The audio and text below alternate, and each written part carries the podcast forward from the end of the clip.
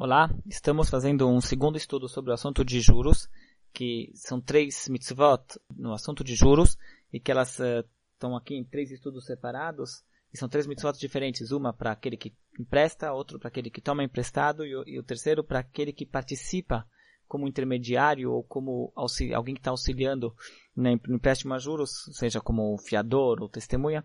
Então são três proibições para três pessoas diferentes e são na contagem das, das mitzvot, são três mitzvot, são três registros uh, independentes. Sobre o assunto de juros, é uma questão que volta muito e as pessoas questionam e, e, e com razão, porque é uma coisa que é muito comum na sociedade de hoje. Nós vemos que tem bancos, que tem judeus, posso ter uma conta no banco de um judeu, então tem que entrar, ver como funciona é, esse assunto de juros. Existe um conceito na, na Alaha que se chama Heter Iska.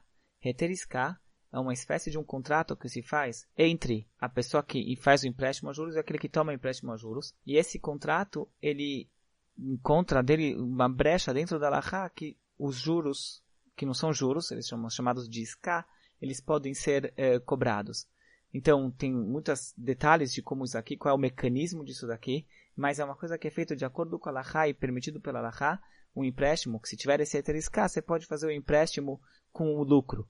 E como funciona, e, e, e qual é a permissão disso daqui? Aparentemente, a gente perde a, o espírito da lei. O espírito da lei é que se emprestasse o dinheiro por, por eh, bondade, sem visar um lucro nisso daqui.